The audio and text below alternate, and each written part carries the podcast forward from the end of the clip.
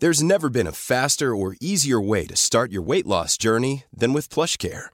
PlushCare accepts most insurance plans and gives you online access to board-certified physicians who can prescribe FDA-approved weight loss medications like Wigovi and Zepbound for those who qualify.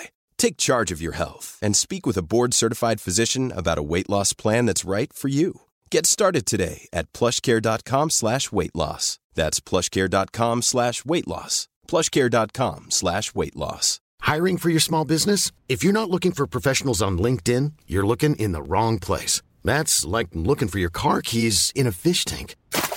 LinkedIn helps you hire professionals you can't find anywhere else, even those who aren't actively searching for a new job but might be open to the perfect role. In a given month, over 70% of LinkedIn users don't even visit other leading job sites. So start looking in the right place. With LinkedIn, you can hire professionals like a professional. Post your free job on linkedin.com slash people today. Da er det på tide med et sponsa innslag om regnskap. Det har vi snakka om mange ganger før, men det er så utrolig viktig. Så det er en sånn ting som ikke kan bli sagt mange nok ganger.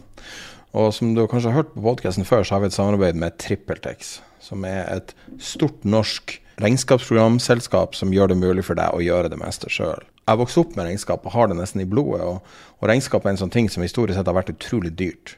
Med TrippelTix gjør du brorparten av arbeidet sjøl, systemet gjør resten, og det blir billig og enkelt. Så sånn som dette systemet er bygd opp, så er det modulbasert. Så det du trenger, betaler du for, og det du trenger, blir automatisert for deg. Spesielt det som er viktig, er jo selvfølgelig kommunikasjonen opp mot Altinn, opp mot uh, Brønnøysundregisteret. Det er alltid et mareritt å fylle ut skjema. TrippelTex gjør det for deg. Har du lyst til å legge på ansatte, så legger du på moduler for det. Har du lyst til å legge på mer kompleksitet, så legger du på moduler for det. Og det er det fine med de her moderne regnskapssystemene. Det er at du betaler for det du får, og det er det TrippelTex er. Et moderne regnskapssystem. Hvis du har lyst til å prøve TrippelTex, så kan du få eh, 14 dager gratis prøve på trippeltex.no gratis. Og det staves trippel, altså T-R-I-P-L-E-T-E-X.no gratis.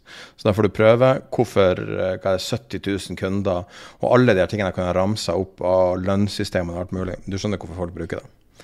Eh, da er det slutten på det her sponsa innslaget. They mistook leverage for genius. Leverage for genius. I would recommend Japan. The governments don't rule the world. Goldman Sachs rules the world. Dette er episode 197 av podkasten 'Tid er penger', en podkast med Peter Warren. Jeg er dessverre produsent, og i dag handler episoden om um, Det er en litt spesiell episode fordi at det tok fire-fem timer å ta opp litt over én time. Uh, vi hadde veldig mye tekniske problemer grunnet en storm i Miami. Så uh, om episoden er litt oppstykk Jeg tror ikke den er det, men hvis det er det, så er det som er årsaken. I dag handler det om markedet, og uh, snakker om det her er litt sånn om makrotallene opp mot markedsreaksjonene og alt som har skjedd. Ellers så har jeg Peter inn på en konferanse i Miami som han går i dybden på. Til slutt er det litt snakk om geopolitikk i USA. Men det er bare å komme i gang med episoden. Må må jo også si at uh, det her ble tatt opp på søndag, før markedene åpna. Men nå legger jeg litt. Før vi starter, så har vi et kommersielt uh, li lite budskap. Men det er et kommersielt budskap som igjen tror jeg er verdt å høre på. Vi prøver jo at alle våre uh, kommersielle samarbeid skal ha verdi. Så vi har samarbeida med IG i mange, mange år. Og de har kommet tilbake nå i det siste, og IG har bare blitt et bedre produkt. Og en av de tingene som de fokuserer mye på. Det produktet som heter Turbo24. Vi har snakka om det flere ganger, men det er flere ting å snakke om med det her. Så Turbo24, Turbo Warrant, kall det hva du vil, det har noen spesielle egenskaper som gjør det attraktivt. Så for det første så kan du, sånn som med opsjoner, men på enklere vis, kan du vite hva du kan tape, men kan ha eksponering for å fleredoble pengene. Det er det ene elementet. Så ofte egner det seg godt for relativt små investeringer rundt veldig spesifikke ting. En annen sak, derav navnet 24, er 24 timer i døgnet, fem dager i uka, kan du trade en stor del av de her produktene. Unntaket er aksjer. Men eh, pga. at du kan trade de her døgnet rundt, så kan du eh, bruke det som, som, hedging mot andre produkter som, som er, markedet er stengt og ikke har tilgang til. Og du har også mulighet for å få med deg bevegelser. F.eks.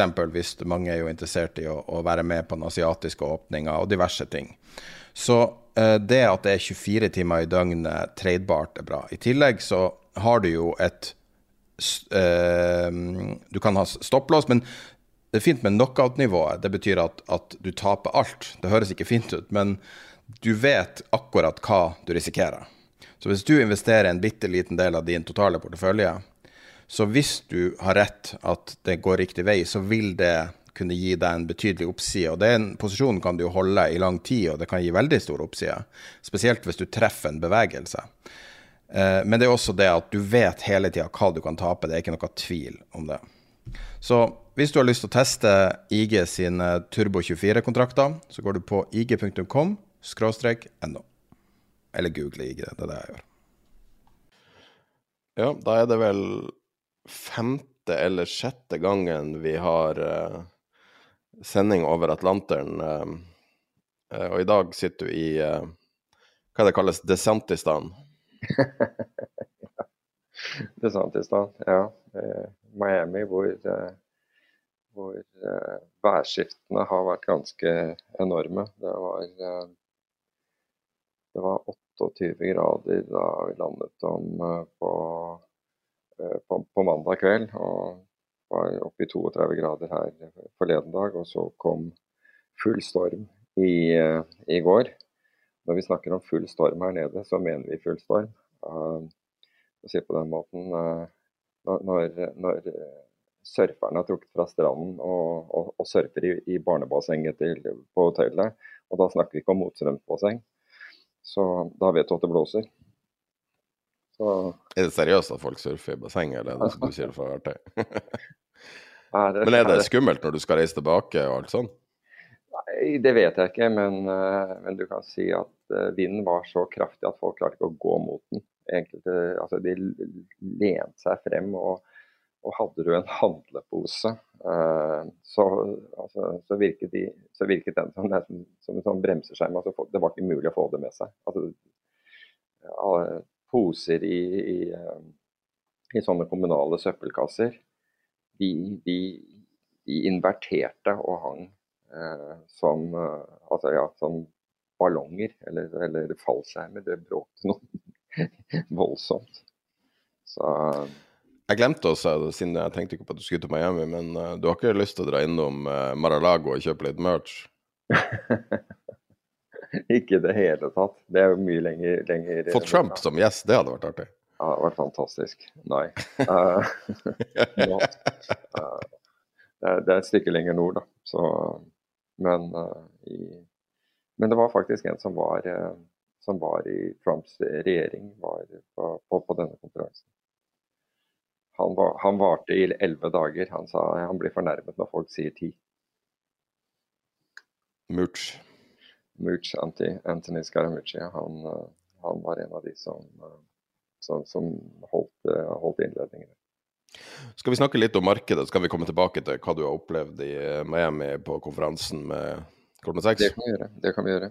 Det er ikke Goldman. Det er ikke Goldman. Bare så det er sagt. Goldman, det er ikke Goldman, det er det som er Nei, det er en av de få som faktisk som ikke er her. Altså, de er i, i kulissene, men det er faktisk Jeffrey som er den som er hovedsponsor her borte. og så ser du Morgan Stanley og all the other usual suspects av, uh, av eh, prime broker her og investeringsbanker.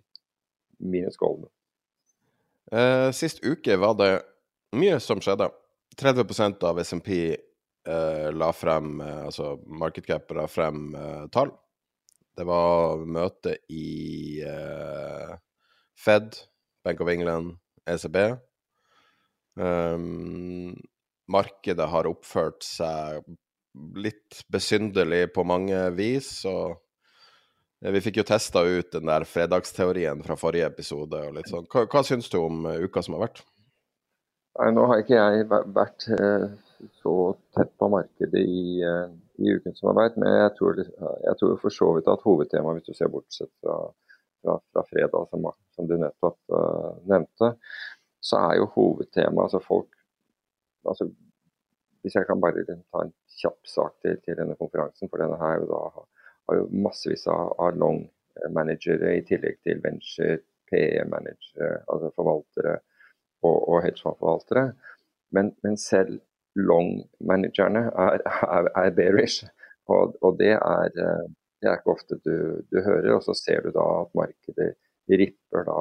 Og det har rippet, ikke sant. Vi har jo snakket om det i, i et antall podkaster i år, hvordan markedet har hatt denne, denne kraftige oppgangen. Og jeg tror SMP 500 er vel nær 9% opp eller noe sånt på året. og det, altså Tenk på det på litt over en måned. Det er jo egentlig en helt utrolig, utrolig oppgang. Og så, og så er liksom spørsmålet hvordan in the face of så mye av egentlig en uh, negativ sånn økonomisk backdrop, altså med, med, høy inflasjon, med høye renter, uh, fallende økonomisk vekst på, på, på, nasjonale plan, kan du da likevel ha markeder som går opp. og altså Det ene du må huske på, er at folk vil gjerne gjøre markedet til, til matematikk. Men hadde markedet vært matematikk, så hadde det på en måte ikke vært markedet, for da hadde vi alle nærmest kunne enes om altså Bortsett fra at vi har forskjellig tidshorisont, så vil vi kunne enes om en, et, et, riktig nivå for markedet, en riktig PE for markedet f.eks. Eller price sales eller prisbok eller annet sånt. Noe som ville være riktig, og så ville, liksom, så ville prisene bevege seg veldig lite i forhold til, i forhold til disse tallene. Men det er slik med at bare en del av markedet er hva vi kaller matematikk. Den andre delen er emosjoner. Og så har du selvfølgelig behov, ulike behov i, i markedet. Men det er det som gjør markedet, markedet tricky. Og etter fjoråret så har vi da sett at veldig mange, de aller fleste, tok feil i fjoråret. Og vi var inne på det i podkasten, vi, vi, vi, vi, nailet det til og med i, eh, på, på, tidspunktet. Det var en rekke, en rekke strateger og analytikere det er i Norge, fordi det var der vi, befant oss og befinner oss stort sett, uh, snudde og gikk fra å være positive til negative. Det var en bunn. Og det var den bunnen, den, den bunnen vi fikk rundt halvveis inn i året. Det viste seg å være bunnen. Og det var jo ikke det at forutsetningene hadde endret seg, det var bare at den siste optimist var blitt pessimist, og dermed så lå det an til en, en reaksjon til oppsiden. Nå er saken inn i dette her året at mange tok feil i, i fjor. Og det gjør at med det bakteppet av økonomi som er, så er mange eh, forvaltere, og nå tenker jeg på vanlig det vi kaller real money, altså pensjonskasser og fond, de er undervektet i aksjer. Um, og mange uh, uh, hedgefondforvaltere som har anledning til å være short, er, eller har vært short. Altså de som, ikke, de som da gjorde dårlig i fjor, prøver da gjerne å, å, å ta det igjen uh, i år, fordi de skal bevise at de er, at de er gode, aktive forvaltere osv. Og, og slik at posisjoneringen i markedet har vært veldig lett på aksjesiden. Altså man, når jeg sier lett, så betyr det at uh, undervektet uh, er noe, et bedre uttrykk, egentlig. De er i utgangspunktet underve, undervektet aksjer, og en god del er short. Og så får du markedet mot deg. og hva, Det eneste du kan gjøre når det går så kraftig som det, det er, det er å begynne å dekke shortene dine og begynne å øke da, da andelen til, til, aksjer. Fordi du er jo livredd for at dette skal fortsette. For hvis de gjør det, så tar de feil to, to år på rad, og det vil antageligvis være helt utilgivelig. Så jeg tror at posisjoneringen har veldig mye med, med, med, det som skjer, og at man blir tatt på sengen, tatt på feil side av markedet, og forsøker nå, i hvert fall nå den siste måneden, å få justert det så fort som mulig. Så jeg tror det er veldig mye av drivkraften bak, bak det som skjer. De sier jo at å, å ta feil um, altså, Å sitte og vedde på dommedag når ting reverseres, er liksom den mest utilgivelige feilen i forvaltning. Er enig? Ja, det er nok det. Ja, det, det, kan, det kan, nok absolutt være. Det kan nok absolutt være. Fordi eh, altså hvis du da blir Bare tenk deg i forhold til indeksfond. Hvis du blir stående igjen da altså Én ting er når hvis du er aktiv forvalter og, og, du ikke har fått med deg et markedsfall som de aller fleste ikke klarte å, å gjøre i fjor. altså De gjorde eh, dårligere vesentlig dårligere enn indeks i, i fjor.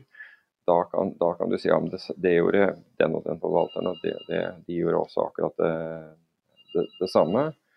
Mens, uh, mens uh, hvis du da blir stående igjen som en av de få til, til, til nedsiden, så har du ikke en mulighet til, til, å gjøre det. Og da ser du liksom ekstra dum ut. Men dette går jo tilbake til å og som vi også har omtalt tidligere, eller, og som også ble omtalt på, på Skagen-konferansen, var det egentlig jeg mente, av Mohammed El-Arian, at dette markedet her vil være altså Markedene fremover vil være langt mer krevende enn det de aller, aller fleste er vant til. De var ikke krevende fra perioden 2009 og egentlig frem til 2021 så var det veldig altså Med kvantitative lettelser og sentralbankene på, på, på investorenes side, så var ikke markedene krevende. Og nå har vi en helt annen situasjon. Slik at uh, det man kaller her borte skillset, altså det, det, det du er dyktig, uh, dyktig på altså det, er, det, er, få som er på en måte dyktige i markedet nå, som er dyktige til å takle denne type, uh, denne type utvikling. Vi har rett og slett gått, tom for brainpower, noe vi skal komme til, tilbake til. fordi her er det en sånn veldig en jag etter å, etter å retain, altså både det å få tak i de virkelige talentene, det er blitt, det er blitt veldig mye vanskeligere. Fordi den, den, uh, den dammen du fisker i, av disse her har blitt veldig mye mindre. Hva er din reaksjon på det som har skjedd med sentralbanker siste uke? Det var, det var volatilt, men samtidig egentlig ganske plankekjøring. Det var spesielt Fed, som, som er det de aller fleste ser mot, eh, kom jo inn på forventninger, og så ble det sagt en ei, halv setning som ble kanskje tolka litt i overkant, kanskje ikke. Eh, og så har vi hatt eh, et veldig sånn gi-ta-marked. Jeg kan si at en ting som jeg merka meg, er at i forkant av denne Fed-avgjørelsen, så når du leser en analyse fra en investeringsbank, så er det veldig synkront. Alle er liksom mer eller mindre det samme. Det er veldig lite interessant å finne. Det artige etterpå er først Fed og, og, og så eh, de jobbtallene som har vært eh, veldig utslagsgivende. Um, folk har vanskelig for å square de her tingene. Folk har vanskelig for å forstå de her tingene. Så det du får av analyser og svar, er egentlig spredd over alle vinder. Og, og jeg ser ingenting synkronitet etter versus før. Jeg vet ikke om, hva du syns om, om din oppfattelse av alt som har skjedd. Nei, altså jeg er enig i det du sier. Altså jeg tror at det er altså Man må ta inn over seg at det er en forsinkelse mellom uh, uh, fra, fra, tiltak blir iverksatt og til de, de virker i økonomien og først og fremst uh, kommer til uttrykk i, i, tallene. Det skjer ikke umiddelbart, og det var akkurat det samme som skjedde da, da det, var, det var relativt åpenbart for menigmann at det var inflasjon, og at inflasjonen var på vei opp, men økonomene så det ikke. Husk på det. Husk på Finansdepartementet var i Norge, men også altså, sammen med, med, USA, var omtrent de siste som, så, som anerkjente at, at, at, inflasjonen var på vei opp. Her har liksom Vedum, som da sto på, på debatten og, og lovet reallønnsvekst og, og, den biten der. Så, og det er, det er et eksempel på det man tar altså, det, er ikke, det er ikke tallene, dermed, er, dermed, eksisterer det ikke. Og så ser du ikke på at det er ikke tallene, for, nettopp fordi det tar tid før dette får effekt på, på økonomien. Det tar tid for, for eh, stigende renter å virke på økonomien. Har du tiltro til Fed nå? Om jeg har tiltro yeah. Altså, jeg, jeg syns Altså jeg syns egentlig Paul gjorde en så elendig jobb med, med, med, med dette med transitory, altså at det, det, bare var en sånn for, for, forbigående. Altså jeg, jeg, som, egentlig, som egentlig er alt annet enn et kvalitetsstempel. Så jeg har egentlig jeg, jeg kan, Nei, jeg har e-, egentlig ikke det. Så, så, så, har han da reagert annerledes siden. Men så vet vi også hvordan for Jeg tror du nevnte dette med, med talen etterpå, du var bare så vidt innom det. og og der virker, fordi Det er jo den man hører på. ikke sant? Etter at eh, de, de hevet renten, så er det jo talen man, man venter på. Den kommer noen timer senere. Og der virket det, og det var en som, som, eh, som kommenterte det, det virket som liksom folk satt med liksom fingeren på Bailey Selbaten, og så hørte de bare halvparten av den setningen han sa. Nemlig at liksom, det, man så tegn til. Men han, altså, han, snakket jo om bare en del av, av oppbremsinga av, av, inflasjonen. Men han, han, han, snakket jo da kun om en, en enkel del av infla, inflasjonen. Men da hadde allerede folk trykket på, på kjøpsknappen. Så, for, at, for, nå er man livredd, som jeg nevnte i sted, på å ikke være med på hvis dette her går, går og fortsetter oppover, og ikke være med på, på et, på et bullmarked. Jeg kan ikke huske et bullmarked som jeg har vært med på, som har gitt meg så dårlig følelse som det her. Altså, Nå vet vi ikke om dette er et bullmarked heller, ikke sant? Ja, ja, men la oss si det siste uken, da. Mm. Det føles bare helt feil i, i min altså magefølelsen. Den, den, samme type følelsen som du har i når, du kjenner at du mister Altså, du kjører på, på, uh, på vinterføre, så kjenner du at bilen begynner å miste taket litt i svingene og sånn. Den der ja. magefølelsen der. Sånn for meg føles det i markedet nå. Jeg kan ikke sette fingeren på nøyaktig hva det er, men det Jeg klarer ikke helt å Jeg klarer ikke å akseptere at, at, at, det, her, at det vi ser i samfunnet, ikke skjer i markedet. Da. Jeg klarer bare ikke å akseptere det. Nei, og, men, men, det er jo altså det er, Dette vil jo ikke være første gang hvor, hvor markedet og, og, på en måte samfunnssentimentet, om du vil, uh, spriker. Uh, det, jo, det, det skjer, jo, skjer, jo, ofte, men, men, det spriker jo nå i, i, i stor grad. Det er, det er, helt opplagt. Og jeg vet ikke om du Husker du hvem Danny Moses er? Nei. Ok, Danny Moses var i Frontpoint sammen med Steve Eisner, ikke, og de begge ble jo veldig kjent gjennom uh, å bli portrettert i The Big Short. Uh, som, altså de shortet da uh, boligmarkedet foran uh, finanskrisen og, og tjente, tjente, voldsomt. Der er det en, uh, det, er, det er en sånn når han, Hva er han heter når han skuespilleren kommer og gjør den presentasjonen for dette, for, for, for, for dette hedgefondet, hvor han forteller om at Du tenker Big Short nå? Ja, i, i filmen The Big Short så kommer han ja. til, et, til, et, hedgefond og gjør en Nå husker jeg hva er det han skuespilleren heter. Han er veldig bra. Men i hvert fall han kommer og gjør den presentasjonen for, for, for et hedgefond. Ryan Gosling. Ryan Gosling, helt, Det er den scenen der, helt riktig. Og det er, det er front point. ikke sant? Og, og liksom, er Steve Eisman, og, var, var, og en av de andre er det, heter det i virkeligheten Danny Moses. Men Danny Moses var, nå, var på konferansen. Det er altså en som jobber i Frontpoint, det visste jeg ikke. Jeg kjenner ikke navnene på dem. Eller jeg husker jo, jo. Og Danny Moses, altså han sier jeg, jeg er mer bearish nå enn jeg har noen gang vært i mitt liv. Altså, dette, dette er mannen som shortet, altså som, oh som innertier på Oh my god. Ja, så, oh my god. nei, nei, nei, ikke si det. ja, det var litt, jeg må innrømme jeg ble litt overrasket når han, uh, når han sa det, men det var, han var helt tydelig på det. Altså at dette her, eh, dette her er ikke riktig. Men altså, det, det, betyr jo ikke at ikke dette kan fortsette. Vi må jo være liksom klare, på, klare på det. fordi som jeg, som jeg sa, det er, det er, to ingredienser til et marked. Det ene er, er, økonomi, som vi i viss grad kan, kan uh, regne oss til. Og det andre er emosjoner. Og, og, i emosjoner så er jo posisjonering av alle andre disse tingene som, som, som, som foregår. Så, så, du er ikke alene om å være, uh, om å være tvilende til dette markedet på, på noen som helst måte.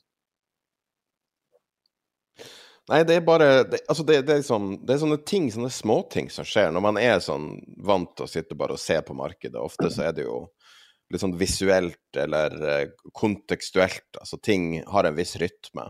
Så det eneste som har skjedd, er jo på en måte at rytmen vi har blitt vant til siden la oss si 2000 og jeg vet, jeg vet egentlig ikke om det starta før 2008, men la oss si 2008, da når det begynte å pumpe inn penger. Egentlig har det gått lenger enn det, men den rytmen om at ting går sånn noenlunde i, i takt. Og så forandrer det seg litt hva som korrelerer med hva og sånn. Men det jeg merker nå, er jo at alle de her tingene vi er blitt så vant til å analysere, og, og, og økonomene er blitt så vant til å analysere, plutselig nå går helt i utakt. Og det er vanskelig å square. Det kan jo, det kan jo være selvfølgelig at Q er ute og alt. Men så er det også det at når du ser f.eks. prisen på nordsjøolje på fredag, bevegelsen den hadde på fredag, var veldig rar. Og ja, det er nyheter som driver det ene og det andre, men, men jeg har aldri sett en sånn intradag-graf som jeg kan huske for olje. Eh, I hvert fall ikke i et sunt marked. Og så samtidig som det skjer, så ligger viksen ned på 18 og har vært un, vel, vel toucha under 18 i forrige uke, tror jeg. Og, og så har du den rente, altså eh, rentehoppet som skjedde på fredag også, i amerikanske renter. Mm. Og så har du de her eh, tallene, sånn som at Meta, altså Facebook-eieren, plutselig overleverer og så lurer man på hva er det de må gjøre når alle vet at Facebook-reklama er så under press? Hva er det de må gjøre for å overlevere da? Er det her virkelig langsiktig? Og så prøver du å square alle de her tingene her. Og så kan det være at ting snur, og at markedet At det er virkelig fantastisk nå, at alt skal bare bli fantastisk. Men magefølelsen sier at det kan ikke skje. Men selvfølgelig kan det jo skje. Alt kan skje, man vet jo ikke framtida. Så det er litt sånn sånn denne uka har vært sånn rar. Jeg har ikke sett fingeren på hva det er. Nei, ja, altså Primebrokere melder jo altså Primebrokere er, er jo da investeringsbanker som eh, yter, yter kreditt, altså lån til, til, eh, til eh, bl.a. hedgefond, altså de som, som, har belåning. Og de rapporterer jo nettopp det der at det er sånn mad scramble for å dekke shorter. altså Du får margin calls når, når ting går, går mot deg. Slik at jeg, jeg tror at liksom driverne her er ganske, er, ehm, er ganske klare i, i, for seg. Altså hva det er som, altså Nettopp dette med posisjoneringen. Ehm, og så får vi se og, og hvor, hvor, det går herfra. Altså At the end of the day så skal ehm, bedriftene uh, forsvare uh, kursene eller verdsettelsene sine gjennom, gjennom inntjening. Så vi se hvordan hvordan det blir utover. Altså i et, i et marked hvor vi, vi har du, du, nettopp nevnte rentene gikk opp igjen på, uh, på, på, på fredag. Altså i, i denne un, under slike forhold.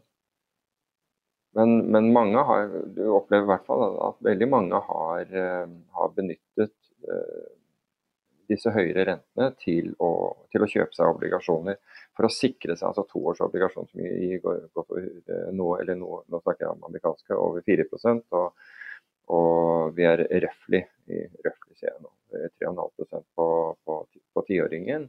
Som er nok til bl.a. at pensjonskasser kan oppfylle sine forpliktelser. Så nå kan, de, altså nå kan man gjøre det. Husk på at hele ideen bak eh, bak at sentralbankene gikk inn og intervenerte i rentemarkedet. De, altså det var jo, var jo, få penger, få deg til å bruke penger. Eh, ta de ut av konto. Derfor du senker renten, slik at du får ikke noe, noe, noe avkastning når du har penger på konto. Så hva er det du da må gjøre? Jo, du gikk til obligasjoner. Eh, så, men da måtte du ut i løpetid. Først til kanskje fem år, syv år, ti år. Og så senket de rentene på alle liksom, obligasjoner. Tvang da pensjonskasser Se hva som skjedde i Storbritannia. Til å ta enda mer, eh, til å ta enda mer risiko. Og mange pensjonskasser til å også ta leveraged, altså til, til å ta belånt type risiko. Det er også en annen greie. ikke sant? Altså, det var jo det som skjedde. altså eh, eh, Det å, å erstatte obligasjoner med swapper i seg selv vil ikke gi den effekten som det ga i Storbritannia i fjor. Da, da, da, du, nest, da du, du var veldig nær å ha en, en, en stor finanskrise. Hadde ikke myndighetene eh, grepet inn, og sentralbanken grepet inn, så hadde du hatt det. Men de, å, de tok opp belåning for rett og slett De ble tvunget, de følte at de var tvunget til å ta belåning rett og slett for å kunne levere eh, avkastning, så, så, pensjonister fikk pensjonene sine. Det er liksom tilfellet. Nå når, når, når rentene har gått motsatt vei, så snur jo det der bildet. Og, men, men, poenget mitt var at pensjonskasser og andre ble tvunget til å ta stadig mer risiko. Altså, det var derfor du, du gikk fra 60-40 til, til, eh, til 30-70 i portefølje, fordi obligasjonsandelen din ga, ga, ingenting. Altså Den ga veldig lite. Den ga kanskje kursoppgang fordi rentene falt, men den, den ga ikke nok. Den ville ikke gi deg nok avkastning, med andre ord altså renteinntekter, til at du kunne betale pensjonene. og Dermed måtte du øke risikoen ved å ta en større, ha en større andel i aksjer. Men som vi vet med aksjer, er at de kan også falle i verdi. Og I fjor så falt jo begge deler i verdi. Både aksjer og obligasjoner falt i verdi, og det gjør det svært vanskelig for pensjonskasser.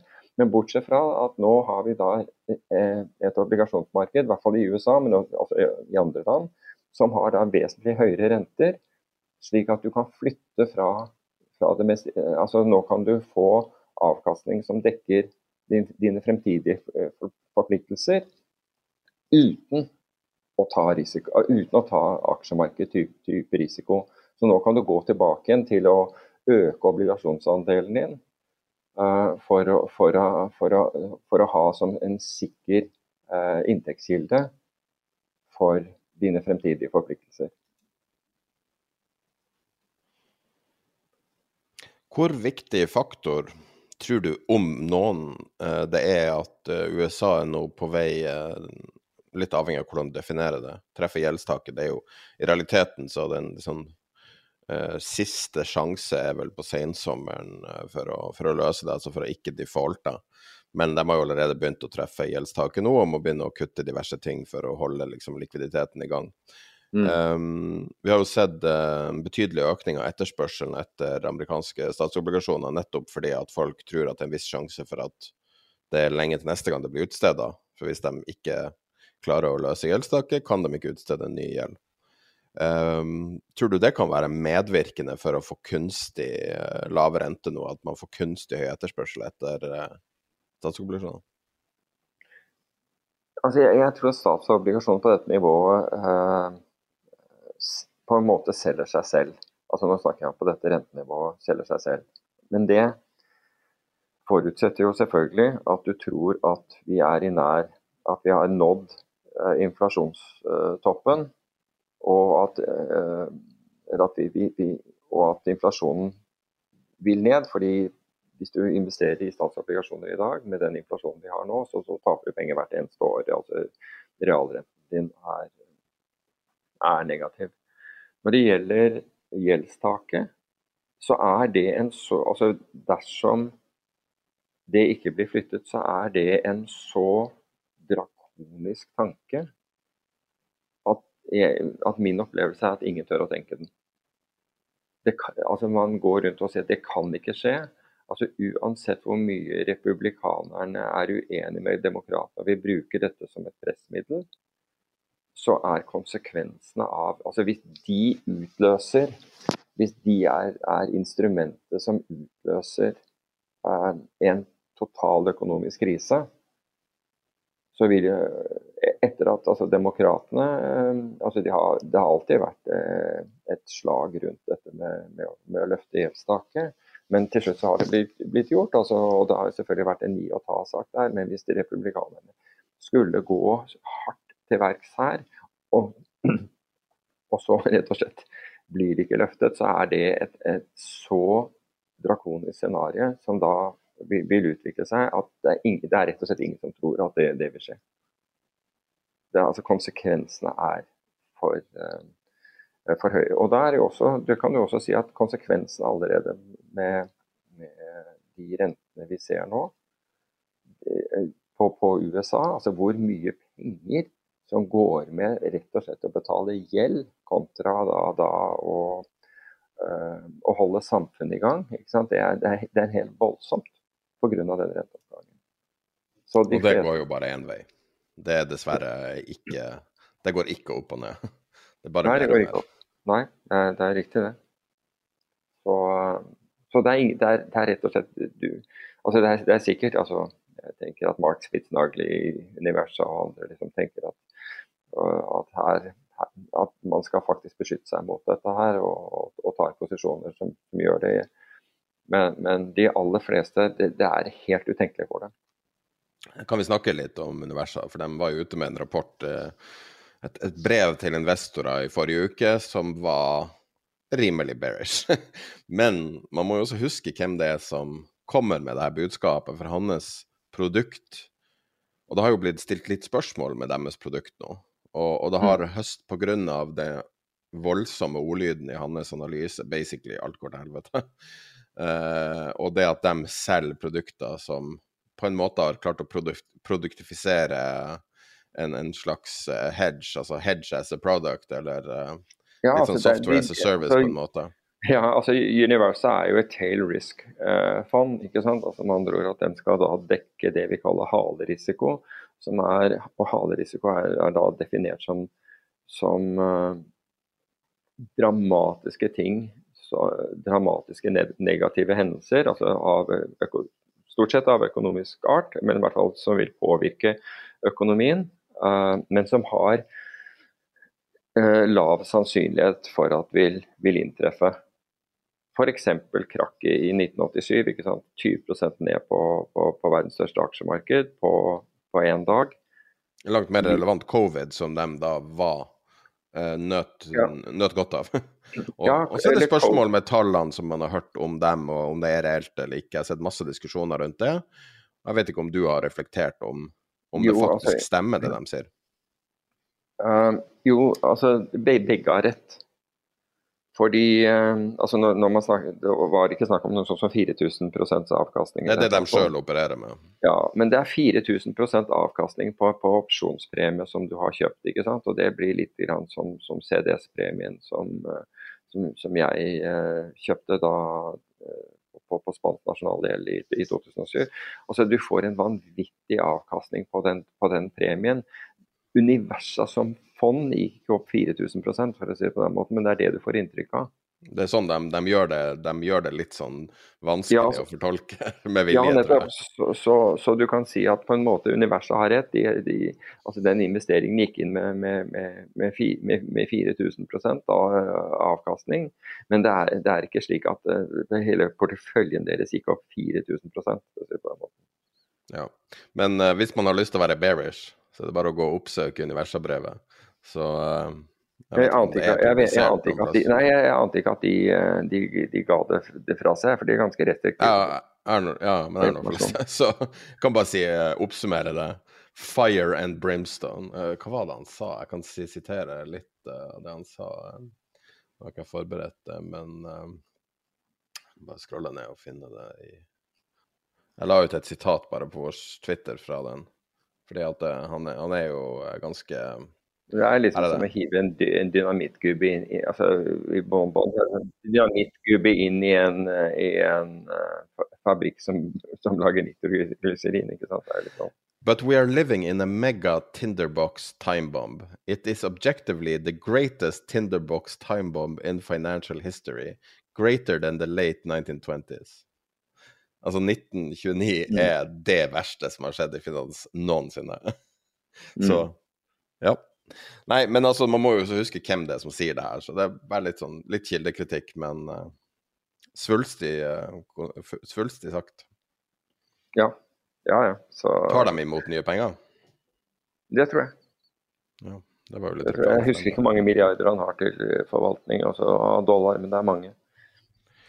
Um, jeg har, eh, jeg har sendt han eh, intervjuforespørsel. Oh, ja. Mark jobbet jo sammen med, med Han jobbet jo for eh, Nasim Taleb i sin tid, da, da Nasim Taleb drev sitt eget hedgefond. Da var jo Mark eh, Så jeg traff Mark hos, eh, hos Nasim den gangen. Eh, det var ganske bouncy AUM-en hans, altså Assets Under Management, etter covid. Så nå har han vel siste tallet jeg ser er 15,5 milliard dollar, så det er jo et solid fond, spesielt med tanke på hvor komplisert strukturen er. Mm. Det er mm. ikke så lett å gjøre den strukturen med enorme Det er ikke som et aksjefond, for å si det sånn. Nei, men nå som det er så, så, stor, eh, så stor handel i opsjoner, altså generelt her, her, borte, så er jo likviditeten veldig mye større til å kunne gjøre sånne ting enn det har vært tidligere. Tror du det? Han, han sitter ikke og kjøper sånn uh, zero day to expiry-opsjoner? Nei, nei, nei, ikke i det hele tatt. Men du, du kan si at, at, Nei, nei, nei, det gjør han ikke. Men, uh, Men, eh, men bare det at, at, du har økt likviditeten i opsjonsmarkedet. Og så øker du likviditeten i én del av opsjonsmarkedet, så øker du likviditeten andre steder i opsjonsmarkedet også. Rett og slett for folk bruker det som hedge eller ser muligheter mellom, mellom de ulike opsjonene. Og, og, dermed så får du et mer likvid opsjonsmarked altså he, gjennomgående. Så, og her borte, altså, det og det sa, var disse meglerne klar, veldig klare på. Eh, de har aldri tjent så mye penger i, i opsjoner som, som, de gjør nå. Rett og slett pga. omsetningen som er der. Så det, er, eh, så det har betalt seg godt å være både marketmaker og, og ha opsjonsdesker, for å si det på den måten. Så det har liksom blitt en ny, nye stor inntektskilden. Ja. Eh, det er ca. 40 minutter senere enn det var for noen sekunder siden været i Miami prøver å stoppe tid penger, akkurat når vi begynner å snakke om uh, Universal. Jeg vet ikke om det er Jeg vil tro at det er en konspirasjon fra myndighetenes side. Black Swan. Altså, de må jo være vant til uh, rimelig heftige uvær her på, rundt, uh, i, i, Florida, men uh, det slo ut det meste, dette her. Det var, det var voldsomt, men det sto på. Nå er det blitt helt stille. Um, men det tok jo internett, da. Så mm.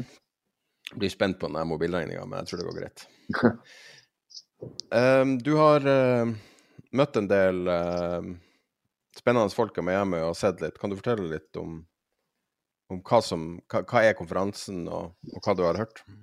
Altså, konferansen er vel antageligvis verdens største det vi kaller CAP intro, altså Capital Intro eh, Introduction Events. Altså, dette er vanligvis um, event som, som uh, investeringsbanker lager over hele verden. Og du kan, du kan, egentlig, Det er jo litt sånn det samme som når man har en presentasjon i altså Når meglerhusene har en presentasjon i, i, i Norge, så, så, kommer forvaltere og investorer for, for, å høre på. Her er det jo at, at det er forvaltere som presenteres, eller som presenterer seg selv, på, og, og og, og investorer som, eh, som, er til stede. Og på denne, det, var, det ble avholdt altså dette, Det går først over altså tre dager hvor den første dagen da er det stort sett eh, paneler og, og foredrag. Og så er de to neste dagene er, da er det én-på-én-møter som varer en halvtime med, med eh, forvaltere. Så man velger ut hvem man altså De forsøker å ta kontakt med deg, og du forsøker å finne de du vil snakke med eh, på, på forhånd. Så du må gjøre en betydelig arbeid på forhånd for å, for å, å, å både i kategori, altså hvilken type forvaltere du, du, ønsker å snakke med. Og som jeg nevnte, det er long-forvaltere her, det er venture-forvaltere, det er uh, private equity og det er hedgefond-forvaltere. Eh, så, er det alle mulige uh, service providers, sånn som banker og meglerhus som også presenterer, og Bloomberg og andre som da presenterer sine produkter. Og I løpet av disse, disse, to dagene så ble det avholdt 14 000, mer enn 14 000 møter. Så, og det er, det er, et ordentlig kjør. Det begynner da klokken, klokken syv om morgenen, og siste møte som jeg hadde, var jeg tror jeg var halv seks en, eh, en, av, en av, dagene. Så i løpet av de to dagene så hadde jeg 21 møter. Så, er det noe som står ut som er interessant? Ja, eh, absolutt er det det. Men altså, det, det, interessante ting er bl.a. at er jo disse panelene eh, som, eh, så, som, er hvor, eh, hvor forskjellige eh, deltar, altså blir, blir intervjuet. Det er jo Eh, tidligere eh, radio, eh, unnskyld, TV-verter som Guy Adami, hvis du vet hvem han er, som, som står for dette her. Blant annet et panel, som det første panelet, som handlet om geopolitikk. Det ble, var, det ble, ledet av Mary Child, som skrev boken 'The Bond King', som er om Bill Gross, som kom ut for noen år siden. For øvrig en veldig, veldig bra, bra bok. Og der er det også det, det, var ganske interessant i forbindelse med, med den. For altså, det er det geopolitiske bakteppet vi befinner oss i. og en, en av paneldeltakerne var en amerikaner som bodde i Ukraina, som kom rett fra slagmarken til, til, denne, til denne, konferansen. Um, og så han, hadde, han sa halvannet, For halvannet døgn siden så var han på, på, på slagmarken, og, og, som snakket om hvordan, hvordan, uh, hvordan det var. Og som, som, han sa at det koster amerikanere 14 altså det, Han sa at vi blør og dør, og Vesten uh, gir oss utstyr. Det er liksom den fordelingen. Men dette her er, og han var også inne på dette, at det er en tredje verdenskrig. Dette er den bastionen mot en stadig mer aggressiv Russland, som hvis de lykkes med å ta Ukraina, vil, vil bare fortsette. Vil bare fortsette. Og, og Nato-land kan absolutt være neste gang. Og han sa at vi, er, vi gjør vi, vi, kriger, blør og dør. Uh, Vesten sørger for da at vi, vi har, får, har, utstyr så, som vi kan bruke, og forhåpentlig som vi kan vinne krigen med. Men det koster amerikanere, altså amerikanerne 14 dollar i uken, altså hver amerikaner. Når det gjelder EU, altså når det gjelder Europa, så er det, altså er det som er blitt Altså vi, vi hører store summer, men det utgjør 0,01 av, av, BNP. Så i de termene så, så, virker det ikke, så virker det ikke som en voldsom sum som betales for, uh, for fred, da, eller for, for, å forsøke å få, uh, få fred.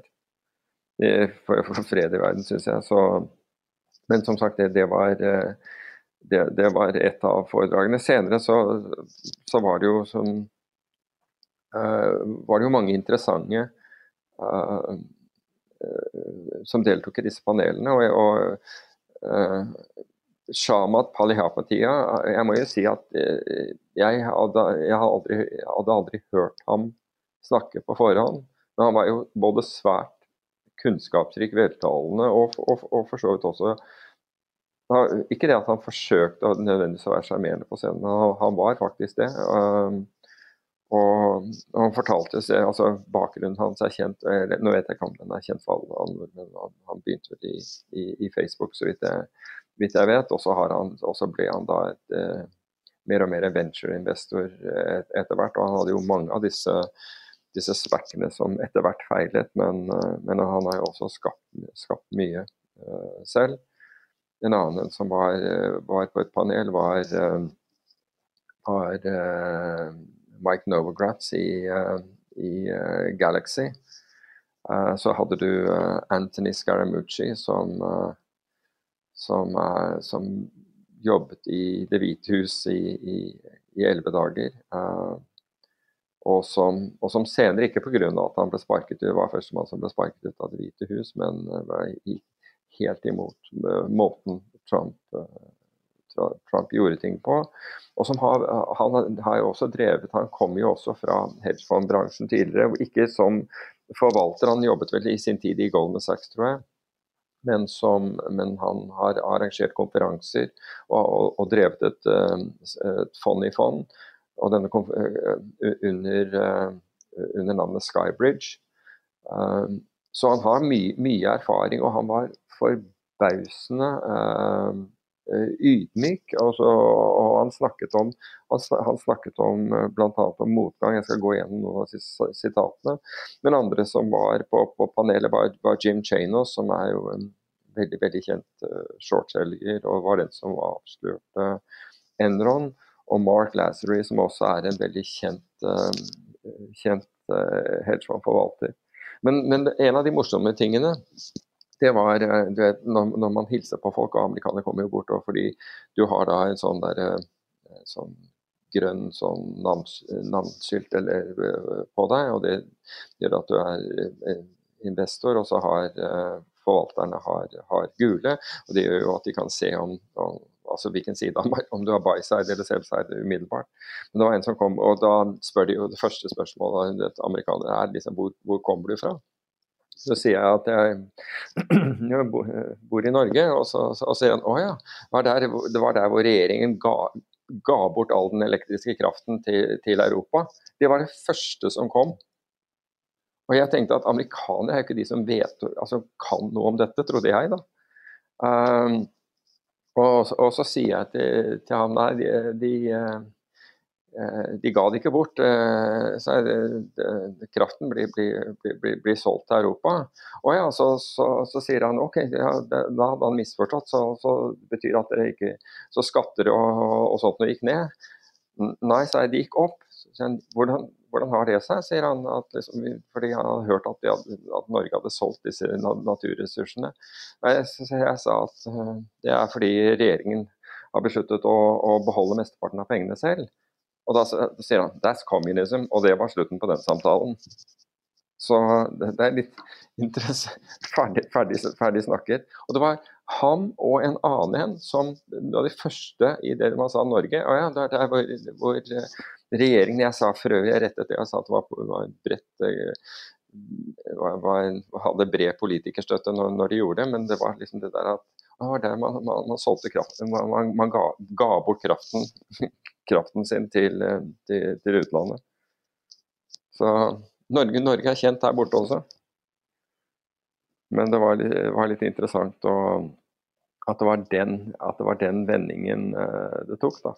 Eh, hvordan trender er det som er der borte? For det er jo ofte, du har jo ofte altså Vi har jo snakka om det, vi har jo hatt en sånn post mortem hver gang du har vært der. Og, mm. og, det har alltid vært interessant å følge med på investeringstrender, for der er det jo skarpe folk, og både trender og trader.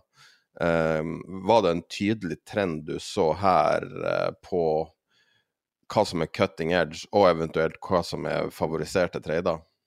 Ja, altså Cutting edge jeg, går jo i AI, ML og noe som heter Swarm, som jeg skal komme inn på, for det var faktisk ve ve veldig interessant. Men man ser litt sånn på, på, på statistikk, og, de, og, egentlig, altså seeding, altså det, det å, å, å, stille med tidlig kapital til hedgefond, det er nå på det laveste nivået på 14 år. Og det attributerte man til helt opplagt at det var fordi 90% av forvaltere som har kommet til, eh, til de, eh, de ti siste årene, har, ta, har tapte penger i fjor fordi de, de, kan ikke fungere i markeder så, uten, uten, beta. Altså, de har vært avhengig av stigende markeder for å kunne tjene penger. Og de har ikke kunnskapen til å håndtere markeder som gjør andre ting. Og så var det en annen statistikk som i, i samme forbindelse ble, ble, lagt frem, og det er at 70% av hedgefondforvaltere som lykkes, starter i trøblete markeder. Altså starter etter at, uh, at toppen i, aksjemarkedet har vært. Det, så Jeg har aldri egentlig reflektert over det, men vi har aldri hatt en sånn periode som, som vi var, var vitne til fra 2009 og frem til Eller egentlig fra Ja, det startet i 2008 frem til, til 2021. Men det er klart at det har helt klart en, endret finansmarkedet ganske mye, og også aktørene i markedet. Det er en annen ting, eh, og det var i forbindelse med, krigen i Ukraina. Det er at den har forsinket utfasing helt opplagt av fossilt brennstoff. og Det, det, det skjønner vi jo når, eh, når, Russland ikke får levere eh, olje og nå fra i dag av eh, destillater til, eh, til, Europa. Men det har, altså i, i, forbindelse med det grønne skiftet, men det har fremskyndet gjenbruk. Så, så så, du, så man har, tapt på det ene del av, av, av, miljøregnskapet, men man, man, tjener på på en annen side av, av, dette miljøregnskapet. Og det kan nok være riktig, tror jeg. Så, så hvis du skal se en sånn overordna trend uh, Det høres ut som det er mange sånne små avstikkere, sånn ja, som Swarm. Men ja, er, det, er, er, det på en måte Er, er det trend is no trend, på en måte? Ja, altså du, du kan si at hedgefondforvaltere, som jeg konsentrerer meg om eh, når jeg er her borte, og jeg har vært invitert til å være her nå ja, Det begynner vel å nærme seg 15 år eller noe sånt. Da. hvor jeg har vært der den eneste gangen var vel under covid hvor, eh, hvor jeg ikke var Eller det, det, året var jeg der, men ikke i, ikke i, i 21, for da ble, ble det gjort uh, digitalt. Um, så altså hele tiden altså hvis, du skal, hvis du skal lykkes i dette her, så må du må du på en måte komme med, med, med noe unikt. ikke sant? Hvis kapitalen skal finne deg, så kan du ikke være å ha de samme ideene som, som, som alle andre. Er, altså En, en metoo uh, henter ikke penger. Um, og det å, å, å kopiere noen, noen andre henter egentlig ikke penger, så du må ha din egen approach til, uh, til, til det du driver med, rett og slett. Og, men, men det, det, var interessant fordi uh, altså noen av tallene som uh, eller, Og noen av tankene som kom opp. Og den ene var det der at når, når, når du ser når, når, du ser noen virkelig slå ballen ut av parken, altså hvis du, hvis du opplever at du får store, veldig høy avkastning over tid fra noe, så er det nesten alltid uh, alltid Forklaringen er alltid en eller annen riskfaktor som egentlig ikke er, er, er tatt hensyn til. Altså, det er en riskfaktor nesten alltid som ligger under, som, som de fleste ikke tenker på. Og den, altså, en, sånn, en, sånn, riskfaktor kan jo være likviditet. Vi har jo snakket om bl.a. Det, det, det norske Eh, high yield-markedet. Ikke for å liksom disse det nå, men, men, du kan si at den, den, den, underliggende riskfaktoren som på en måte ikke, ikke er altså, Eller som, som, kan forklare at du har høyere spredder og Det er ikke alltid at du har det for, heller, men det er nemlig at det, det mangler likviditet i, i det. Uh, det kan også forklare altså Hvis du tenker på sharp ratio, som er, vi har snakket om mange ganger og mange liker å bruke, men som på ingen måte kan, er, en god, er en god beskrivelse av risiko, altså den, den totale risiko, så veldig høye sharp ratio skjuler ofte en eller annen riskfaktor. Og Hvis du ikke er dyktig nok til å vite hva den er, Ta eksempel, Hvis du hadde kjørt sharp ratio på XIV, som vi, jeg tror vi snakket om i forrige, i, i forrige episode, altså denne volatilitets-ETF-en som handlet VIX, som hele tiden drev og shortet VIX, um, og som, som, hadde en, en inntjeningsgraf som omtrent så ut som en bankkonto, bare at den var brattere fordi du tjente mer penger, helt til den plutselig eh, kollapset, så var jo så var jo på en måte den risikofaktoren som veldig mange som investerte i det produktet, ikke tenkte på, var nemlig at den var short volatilitet. Den hadde denne vanvittig short volatilitet-komponenten. Så hvis noe gikk gærent, og, og, det gjorde det jo her, hvor, hadde, hvor, hvor den imploderte på, på 20 minutter, så var det over. Etter å ha vært der i mange mange år, og, og alle var genierklært, og det er, ganske, det er jo egentlig det investorer bør, burde spørre seg om når de ser veldig god avkastning rundt omkring. er jo nettopp hva er, den, hva er risikoen her? Hva er den virkelige risikoen her? For øvrig, når det gjaldt uh, Mike Novergrass nevnte og, var liksom morsom på, på, på, to ting. Det ene han sa, eller det ene var egentlig opplysning, det er at det er 180 millioner mennesker på verdensbasis som, som, i dag eier bitcoin. Så det er ikke lite, det er ikke et lite antall, men det er ganske, det er ganske fordelt. Det andre var, eh, var at uh, han uh, han hadde visst skrevet et, et, et paper som, hvor han kalte, hvor, som hadde tittelen 'Really Jamie'. Og Jamie var da Jamie Diamond, altså sjefen for uh, for JP Morgan, som da hadde, hadde uttalt seg negativt om bitcoin ved, ved, ved, flere anledninger. Men som han sier, bit, som, som Novograd sier, bitcoin har levert bedre risikojustert avkastning enn nettopp JP Morgan, banken JP Morgan, på, på, på, på alle, alle, tidsperioder du, du, du, du, sjekker. Og det er, ikke, det er ikke, i så fall ikke dårlig. Jeg vet ikke om det akkurat gjorde i fjor, hvis du skal ta så kort tidsramme. Men, det er, men han har Det gjorde ikke Luna og Terra? nei, det gjorde absolutt ikke, nei, det gjorde absolutt ikke Luna og Terra. Er, er det trader? Eh, nei, det er, det er, ikke så mye trader som, som det er, eh, som det er eh, invest, altså investeringsstrategier. Det er mye mer altså Det er ingen som egentlig snakker om én en enkelt trade. Det, det, nevnes ikke i det hele tatt. Og hvorfor? For det er jo bare én ting som skjer én gang, og så er det over. Hva gjør du etterpå? ikke sant? Altså, det er mer prosesser og hva de investerer i, og hva som er tanken bak det, og hva som er unikheten med den måten de, gjør ting på. Uh, Anthony Scaramucci han sa også et par ting som var utrolig interessant uh, Eller andre får bedømme om det er det, men han sier at 'facing adversity is a feature of the process, not a flaw of the, of the process'. Altså Han har fått mange, seg mange på trynet uh, i fått, jeg har fått mange på, på trynet i løpet av, av, av, sin karriere. Jeg er fortsatt styrtrik og alt det der. Men han sier det der at du får Motgang er bare en del av prosessen din. Ikke, ikke at det er en feil i prosessen. Og det tror jeg mange skal tenke over. Og, og gå, går tilbake til det der vi har snakket om tidligere, at, at tap er lærdom og, og, bør ses på som lærdom og ikke ses på som tap. Det gir deg, det gir deg læring. Du kan jo velge om du vil bruke den læringen eller ikke. Uh, han kalte Davos som, uh, uh, så, som en, en, institusjonell confirmation bias-konferanse. Det syns jeg også var interessant, og han nevnte i fleng en serie med da konsensus fra Davos hvordan det hadde vært absolutt totalt feil.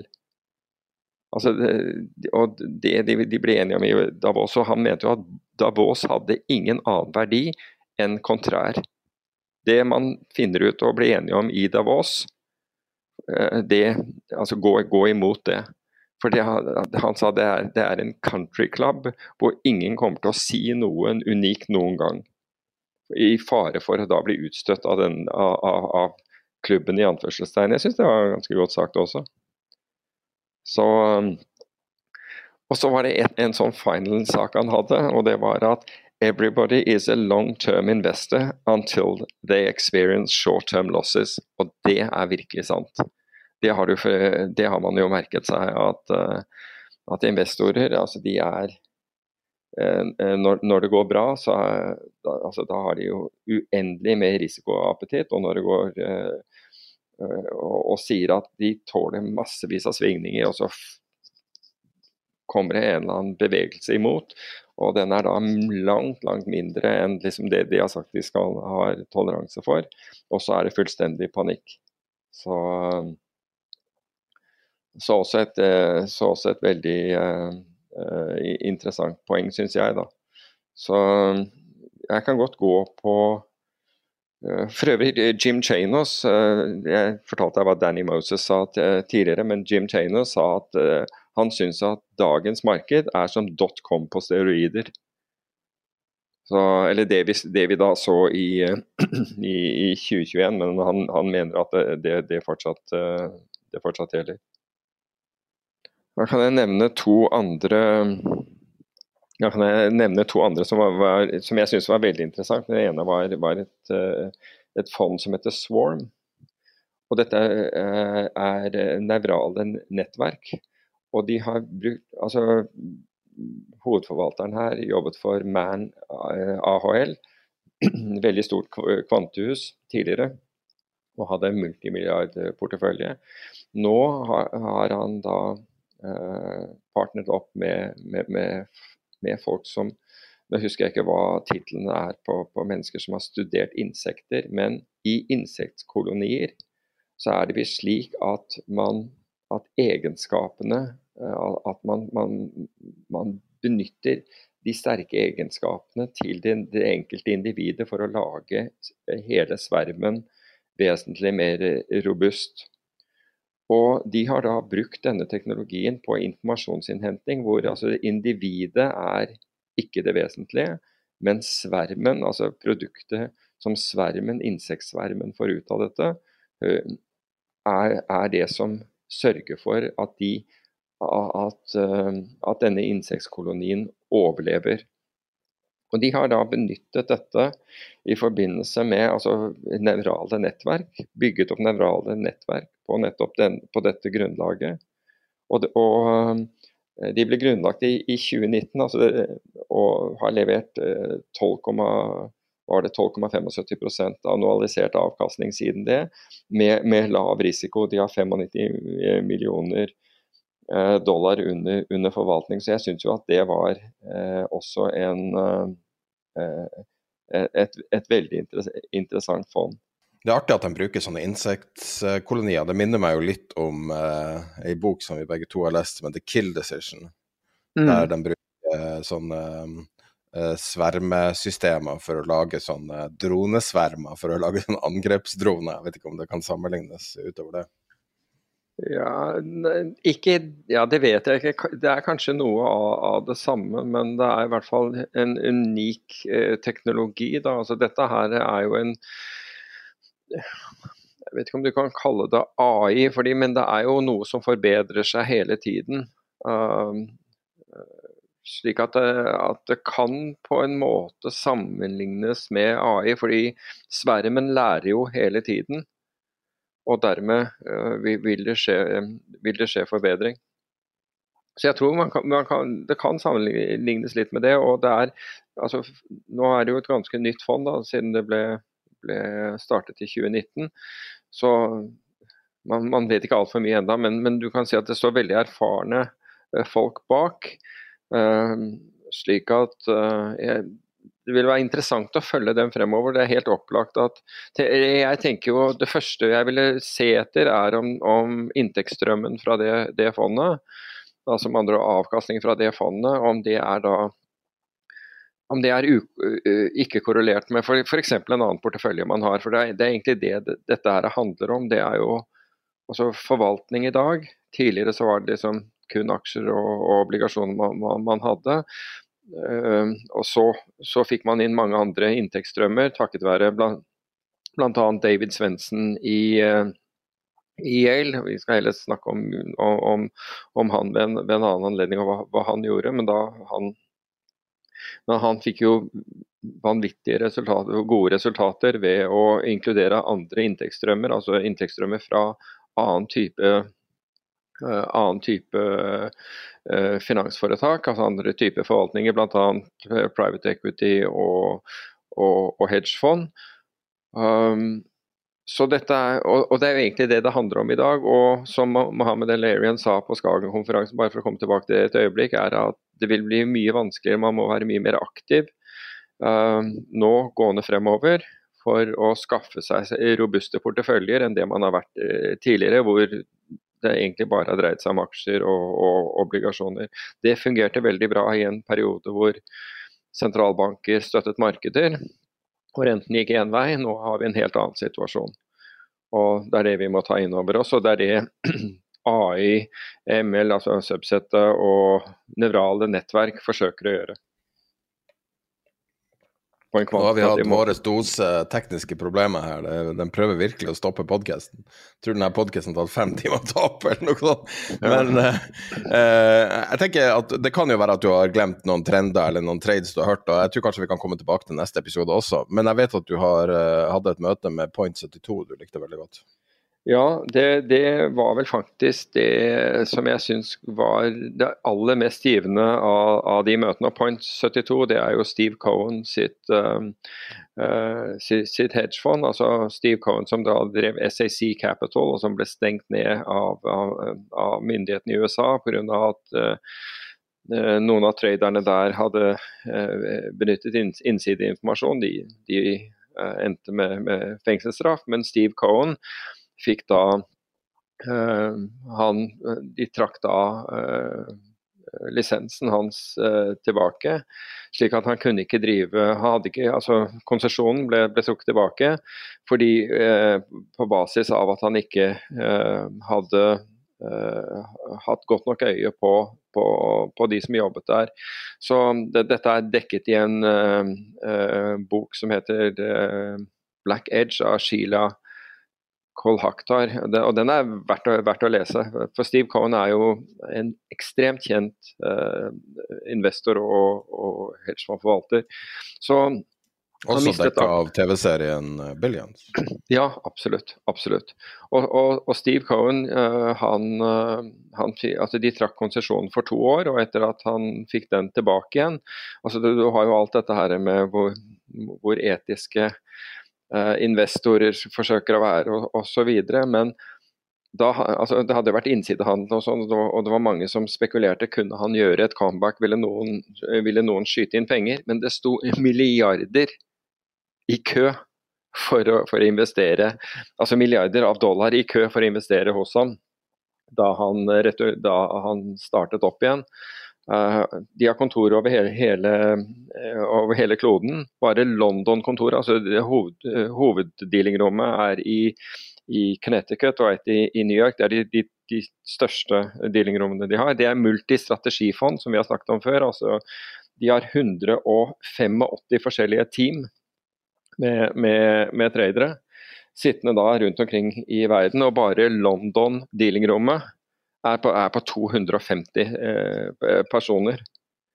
Så de har 27,5 milliard dollar eh, til forvaltning. Er ganske aksjefokust. Altså 70% er diskresjonær long short, og de kan ha inntil 10% tilt, altså med andre ord være 10% long eller short. Du får, du får ingen, uh, ingen, betaling, ingen bonus basert på beta til markedet i det hele tatt. De er ikke interessert i at du rir, at du rir markedstrender. 20 er systematisk. og det er uh, og 10 um, er discretionary global macro. Så du kan si at rentetrender og for så vidt aksjer og råvarer kan, kan hentes opp gjennom, gjennom, det globale makro. De globale makroforvalterne.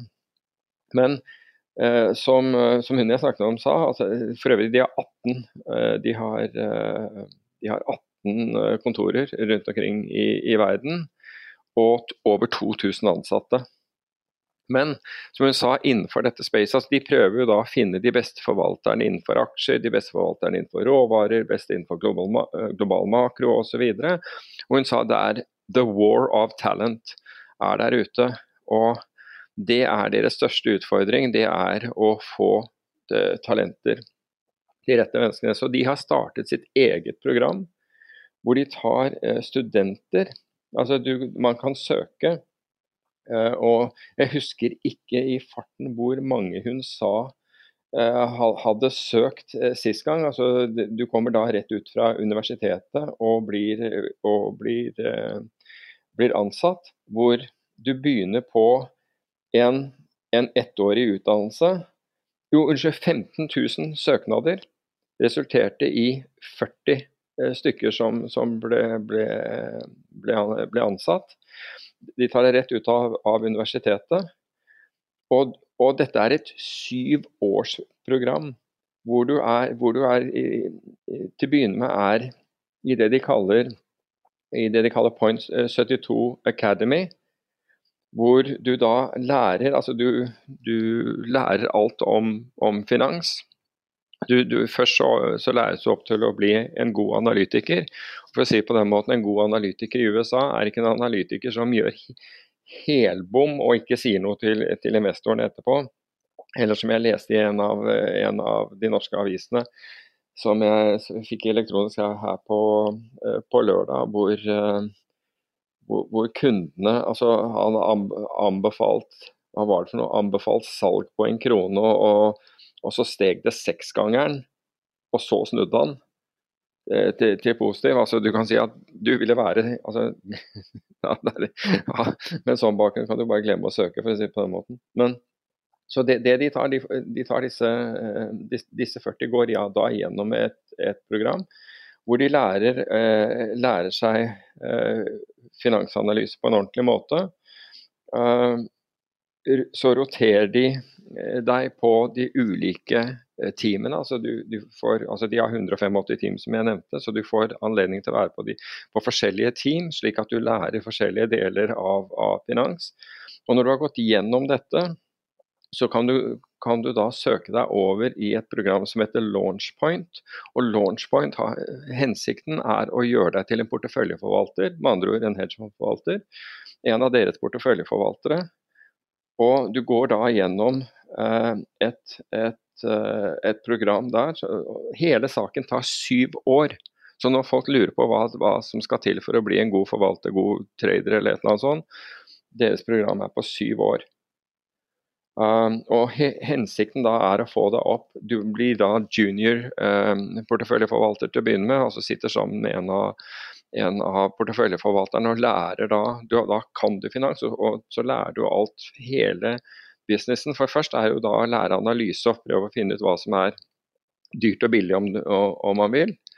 Og Så tar man da skrittet opp til, eh, til eh, å sitte på en desk hvor, hvor Eller sitte som junior forvalter og lære seg hvordan man, hvordan man bygger posisjoner, stø, hvordan man bestemmer størrelsen på posisjoner, hvordan man sikrer posisjoner med ulike instrumenter osv. Så, så det er et syv års program frem til at du, ja, at du blir eh, egen porteføljeforvalter, eller kan, kan kalle deg selv en hedgefondforvalter, eh, hvor du da får tilført kapital fra Steve Cohen, altså, eller fra Point 72 som, som forvaltningsselskapet heter, og du blir allokert kapital.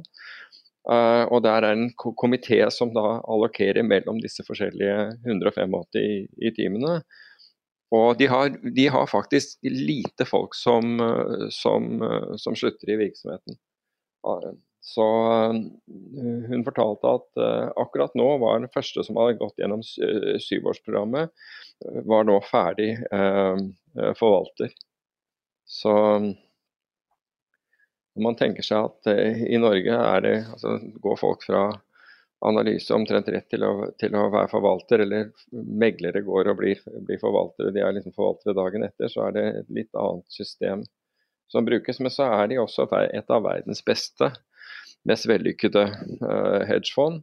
Og som Millennium, som vi har snakket om, altså da med for ulike forvaltningsteam som da opererer uavhengig av hverandre, men som til sammen bringer en, en inntektsstrøm, altså en avkastningsstrøm, inn, into the mothership, om det vil, inn til liksom, ho hovedfondet, og som gjør, uh, gjør, at de har veldig uh, lav volatilitet og veldig, veldig gode resultater.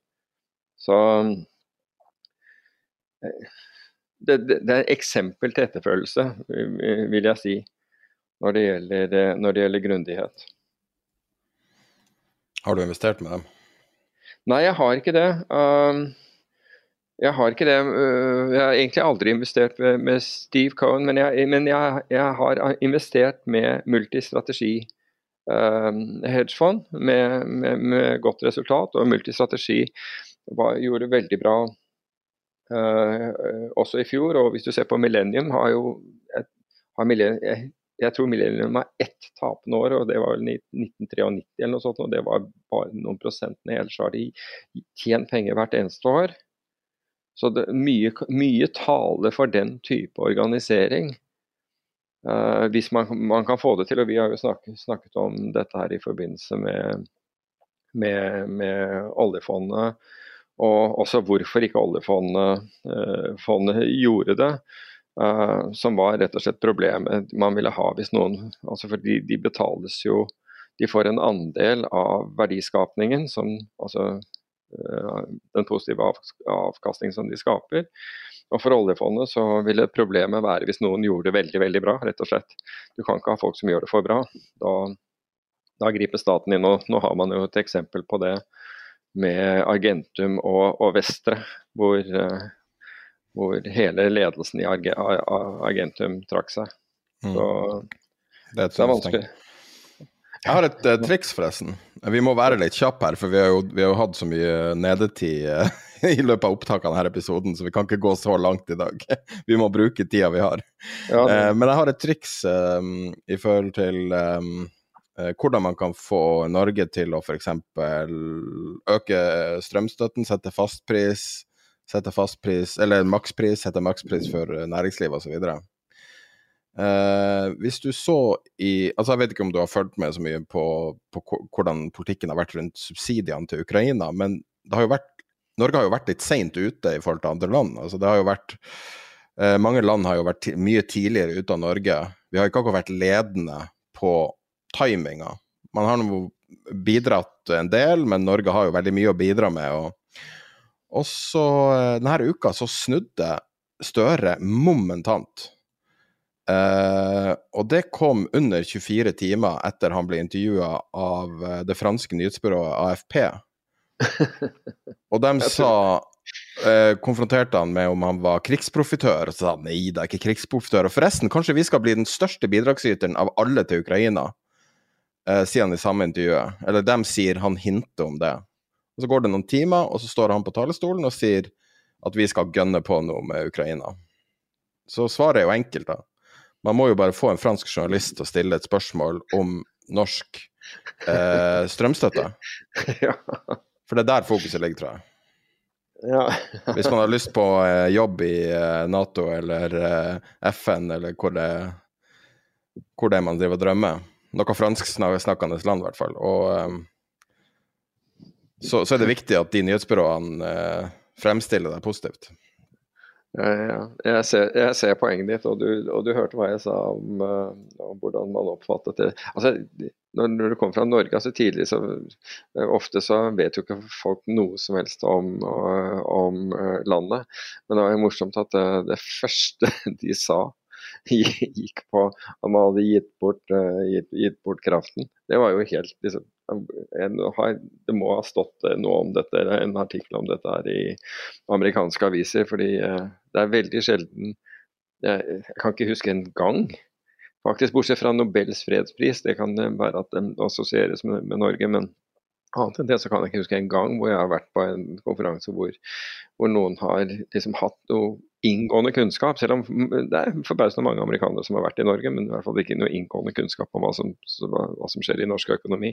Oljefondet kjenner de til. For øvrig, de, for første gang så var um, en representant på, fra oljefondet på, på altså NBIM på, på konferansen. Uh, det var uh, han, han er ansatt ved oljefondet i, i Nordmann, ansatt ved oljefondet i New York. Men før vi mister connection igjen, så jeg tror vi skipper å snakke litt om makrotall. Jeg kan ta det opp i nyhetsbrevet, litt forskjellige scenarioer for å prøve å forstå. Vi har prøvd å bruke uka på å forstå litt de her mystiske makrotallene som, mm. som ikke helt rimer med virkeligheten, virker det som. Men vi har en, fire-fem teorier. Jeg kan legge det med i nyhetsbrevet som, som, der. Men da kan vi gå rett til uh, det, Du er jo på en måte i Altså, du er vel ikke i Var det i, Pens nei, var det i Ohio? Hvor var det den dumme ballongen var, ble skutt ned? Men du er jo i hvert fall i landet der folk eh, Der det er verdensmesterskap i å være hysterisk over alt mulig mellom himmel og jord.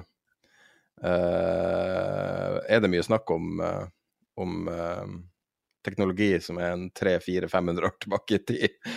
nei, det er ikke det. Og, nei, det er mer altså det, det, det, har fått veldig liten oppmerksomhet, til tross for at jeg ser at det er på forsider av, av, av avisen. Så har det fått veldig lite oppmerksomhet, eller synes å få favne veldig lite oppmerksomhet hos, hos amerikanere generelt. Men jeg tror det må ha altså I utgangspunktet altså, det, altså Kineserne hevder at det er en værballong. Og, så, og amerikanerne mener at, uh, at, dette er en etterretningsplattform, altså en, sånn, en etterretningssensor.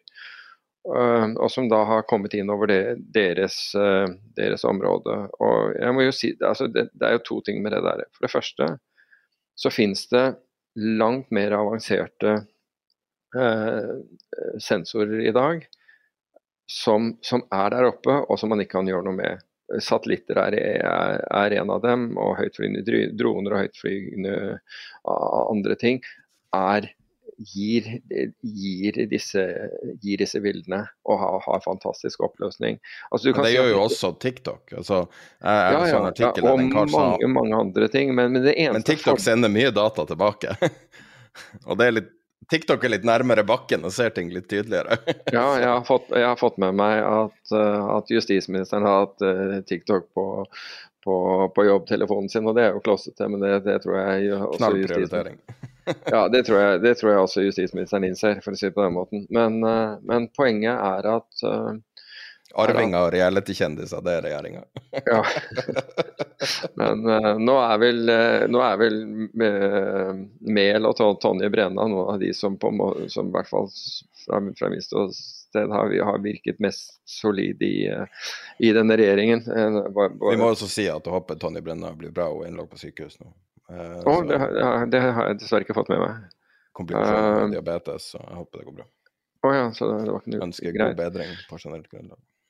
For all del. for all del. Men, men poenget tilbake til denne, til denne eh, ballongen, da, det er at man innhenter disse dataene. altså Normalt sett så har man ikke noe problem med å innhente disse dataene. Du kan si Den eneste fordelen en ballong har, det er at den, kan, er, at den er saktegående og da kan få, få med seg mer. Men, eh, men annet enn det, så, så er det et, du sa teknologi som er mange hundre år gammel. ikke sant? Og det er, det er ikke høyteknologi, selv om selvfølgelig eh, linser og sånt om bord i, uh, i en sånn sak, eller som henger under en sånn sak, er, er nok uh, oppgradert til, til, til dagens standard. Men det virker jo altså, jeg, jeg tror folk syns at det virker jo litt Det er litt sånn hoderystende at hvorfor eh, hvorfor øke spenningen med Kina med å sende et fly opp for å, for å skyte den ned? Nå, nå vet jeg ikke hva begrunnelsen for å skyte den ned er, om man sier at man er redd for at det skulle dette ned på amerikansk. Ja, det er nok, men, Men, det, om- men det er ja, ja. interessante ting rundt nedskytinga, da. Det er to ting okay. som har skjedd. Dette er første, det her er første eh, combat-testen til F-22. Første gangen F-22 har blitt brukt i combat, på, du kan okay. kalle det. Og det her er første gang over amerikansk jord at et jagerfly har inntatt en kampposisjon. Altså- Nå var det vel over sjø, for å være helt presis, men i amerikansk territorium. Mm. Ja. Var det over sjø? Ah, ja. ja, innsjø, kanskje. Ja. ja. Ja. Men det er noe over eh, la- landejord, altså. Der du må ha amerikansk pass for å bo Ja, permanent. det, ja, det er amerikansk område, det er ikke noe tvil om at det er en del av USA. Men det var bare interessant. altså, finurligheter, selv om det var en rimelig sti...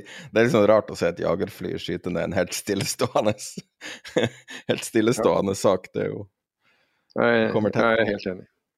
men, men det virker veldig hysterisk. Much ado about nothing, er det det virker som. Men eh, Ja, men som sagt, det, det er jo ingen, det er ingen som, det er jo ingen, rett og slett ingen som snakker om det. ja, men tross- republikanske politikere snakker jo konstant ja, de. som om Ja, det her er det viktigste som noensinne har skjedd. Ja vel. Ok. Men, eh, men, men, men mer poenget er, er, eh, klokskapen av å nøre opp under eh, konflikt mellom altså, Eller spenningen, for så vidt, mellom, mellom, mellom Kina og USA, i, slik verden er i dag. Det eh, jeg, kan, jeg kan ikke si at eh, at det er åpenbart At det virker åpenbart eh, klokt, å- klo- klokt å gjøre det. Eh, og vi vet heller ikke hvilken respons som, eh, som, Kina kan ha på dette. Så Responsen foreløpig har vært at de er veldig skeptiske eller kritiske til at de gjorde det, og så er det that's it. Så jeg tror nok at det her er much ado about nothing, selv om den ble skutt ned. Vil ikke du si det? Eller er det jo, altså vi, vi, vi, får håpe, altså, vi får håpe at ikke dette blir en, sånn, en, en sak som gjør at at det eskalerer på en måte. På en måte. Altså, eh, verden har behov for, eh, for avspenning og fred, ikke, ikke det motsatte.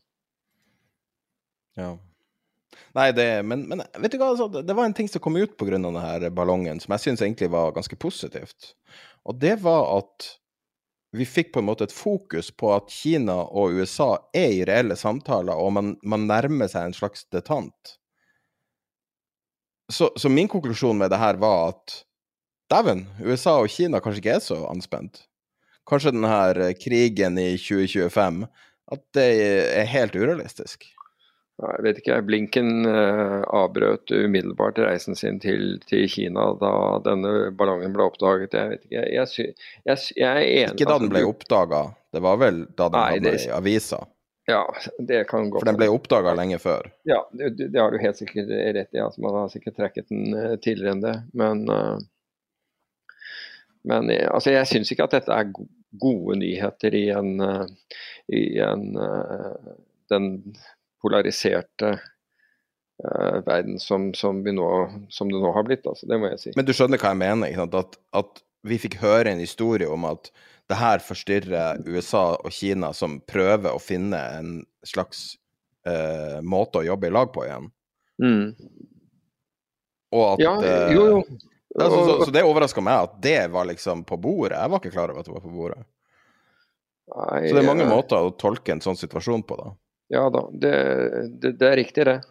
Det er riktig det, men, men, men du kan si at hvis man var i ferd med å, å, å komme nærmere hverandre, så var jo dette her liksom både Så var jo dette klossete, for å si det, si det mildt. Men amerika, altså, kineserne hevder jo at den, den blåste ut av kurs.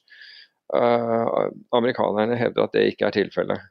Um, så, altså, du, du, kan sikkert analysere um, uh, værmønstre og, og, og vind, slik at du, at du, faktisk finner ut om, om, det ene eller det andre stemmer her. Men det er ikke det som er poenget. Poenget er jo at dette her har uh, At man har da gått lengre fra hverandre istedenfor å gå nærmere mot, mot, hverandre. Så får vi se om dette her er en, er en ikke-event til uken. Før vi kobler av nå i, for, for, i dag, så tror jeg vi må si eh, god natt til vår yngste lytter, Sivert på syv år. Absolutt. Absolutt. Med mindre han har sovna allerede. Det har han vel neppe. Det er vel ikke så, Hva er klokken? da? Den er halv tolv her, så da har han halv, halv seks din tid. Jeg, tror ikke, jeg, tror ikke, en syvåring er det. Men du, du kan jo Selvfølgelig. det Spørs når han hører på da, podkast. Det er noe ganske dynamisk medium. Ja, du kan jo utdype det litt. Grann, da. Hvis du vil lese mer om det, så kan du oppsøke Facebook-gruppa vår. Det var en lytter som uh, skrev en veldig artig kommentar. Setter veldig pris på det. Uh, vi setter veldig pris på spørsmål og kommentarer vi får. og ja, vi ehm. setter pris på at Sivert hører på også. Det gjør vi. Gå og legg deg. det er for tidlig. Men da er vi tilbake med sannsynligvis med en episode på Patron denne uka. Eh, du kan jo et... nevne at uh, det intervjuet som var med, med Wayne Himmelsheim også som Ja, det er det vi uh, legger på slutten av denne episoden. Aha, du, kan jo, okay. du, kan jo, fortelle hvem han er, og hvorfor det her var Altså hva du syns, og hvorfor det var artig. Jo, altså Wayne Himmelstein er en veldig kjent uh, uh, kvant, uh, altså kvantitativ forvalter, hedgefondforvalter, som jeg mener at han, han sitter i Fondet hans er i, i California. Forvaltningen drives fra, fra, Los Angeles. Men jeg har hatt glede av å møte han et par ganger, bl.a. på denne konferansen her som jeg er på, på nå. Men for de som er interessert i kvantitativ forvaltning, han snakker bl.a. om opsjoner. Han handler, bruker mye opsjoner. Han har to fond. Han har et absolute return-fond, og han har et, det som kalles et tail, eh, eh, tail hedge, uh, tail risk-fond, som vi var inne på med Universa Eh, tidligere i dag, som da skal beskytte deg mot store nedganger. Men altså, intervjuet som, som, som du gjorde, som jeg syns var, var, virkelig virkelig godt Nå er, nå er, jeg kanskje litt over gjennomsnittet sånn interessert i, i, eh, i eh, kvantitativ finans, men Wayne er, er, en, er, en, stor figur i det, og jeg syns at han forklarer ting på en veldig bra måte. Jeg syns den samtalen mellom dere og også spørsmålene fra deg var, var veldig, veldig bra. og og fikk ut veldig mye, bl.a. Altså, det var jo snakk, snakk om disse, eh, disse nulldagersopsjonene, altså disse opsjonene som, som bare varer én dag og, osv. Men han gjør det på en veldig pedagogisk og forståelses, eh, forstå, måte. Og det gjør, det gjør at uh, jeg syns at den, altså verdien av den, den samtalen dere hadde, det, den, den, er for alle. Du, du, trenger ikke å forstå, du trenger ikke å å, å ha en master i, eh, i uh, opsjonsprising eller noe sånt for å forstå hva, hva det snakkes om, og, og, og argumentene og, og, grunnlaget for det. Så, så, den er virkelig for alle. Jeg syns det var, var, kjempebra. Hele intervjuet ligger på vår Patrion, som er vår uh, betalingsmurtjeneste, der vi, vi har alt ekstrainnholdet på Patrion. Tiderpenger.no skråstrek patreon. Eh, når vi har sånne intervjuer, så legger vi også et utsnitt av intervjuet i slutten av episoden. Så de siste ca. ti minuttene av denne episoden er et utsnitt av det intervjuet, for at du kan høre litt på det hvis du ikke vil høre via Patron. Ja, eh, I tillegg har ja. Apropos det, er, er ikke liksom den Patrion-nivået altså det, det, koster det tilsvarende av en kopp kaffe, var det ikke det vi, vi sa? Der, det, ja, i hvert fall med inflasjonen. Jeg kjøpte kaffe på Ja, det var det jeg, jeg lurte. Nå, nå, lurte jeg på hva som hadde skjedd etter 1. februar, om kaffeprisene hadde gått, gått enda høyere.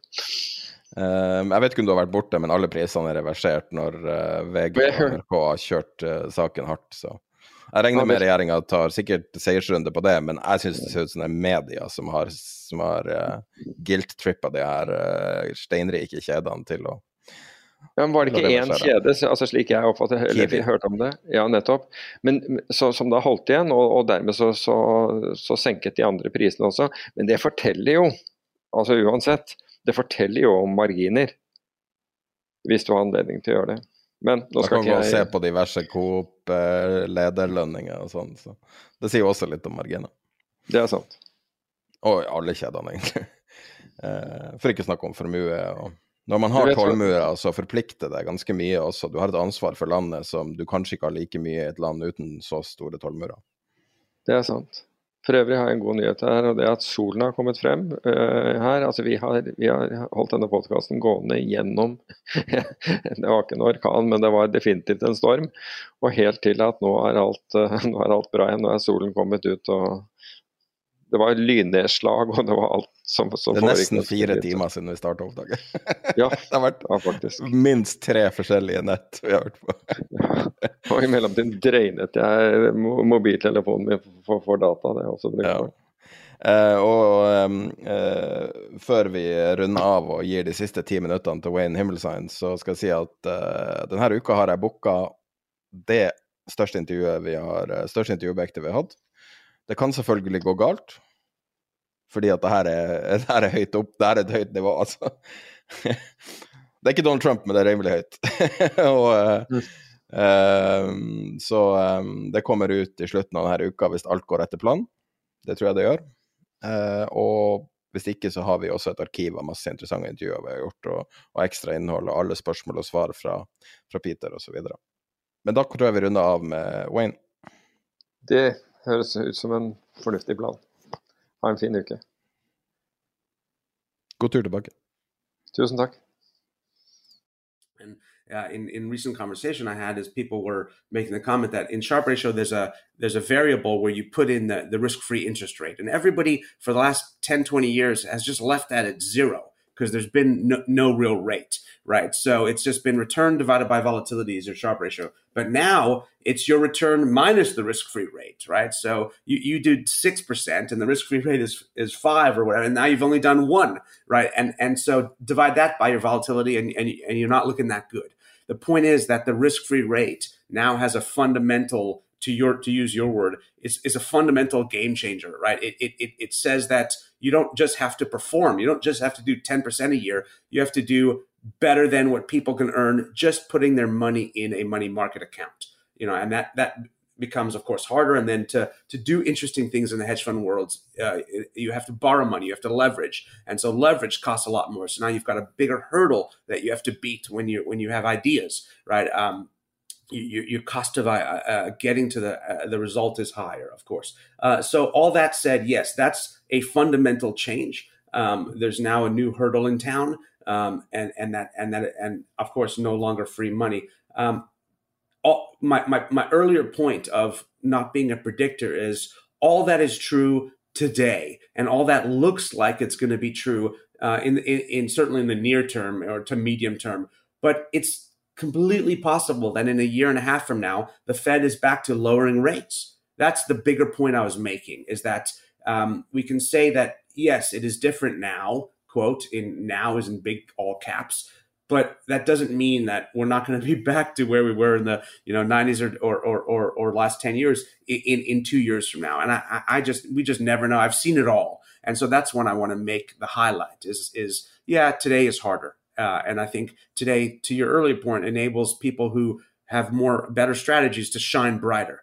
Um, and it and it's you know it was it's tough when when we're doing the right thing years ago, and in the bull market somebody else is literally just bought the S and P and they and they outperform us on in pure return. Maybe not in having as low volatility, but they outperform us on a pure uh, rate of return and because they just bought the market and it was up 30% right or, or something similarly crazy and so that yeah that's hard it's hard to shine in the eh, you know when when, when everyone else's lights are so bright um, and so now that that's nicer for people like myself uh, okay, it's not so easy out there. Now, now, now you see the value of a professional or the value of someone who has those expertise. Um, but I, I, also know that it may not last. Uh, and so we, we, we take it while it's here, we do our best, but we continue to, of course, do what we do. Peter, who, who is now in Miami visiting Goldman Sachs, uh, is uh, has a long um, a long history of of uh, trading, uh, running his several hedge funds, and uh, al always had that approach, that sort of George Soros approach, that you speak to the Financial Times at ten past, and you say you're bullish the dollar.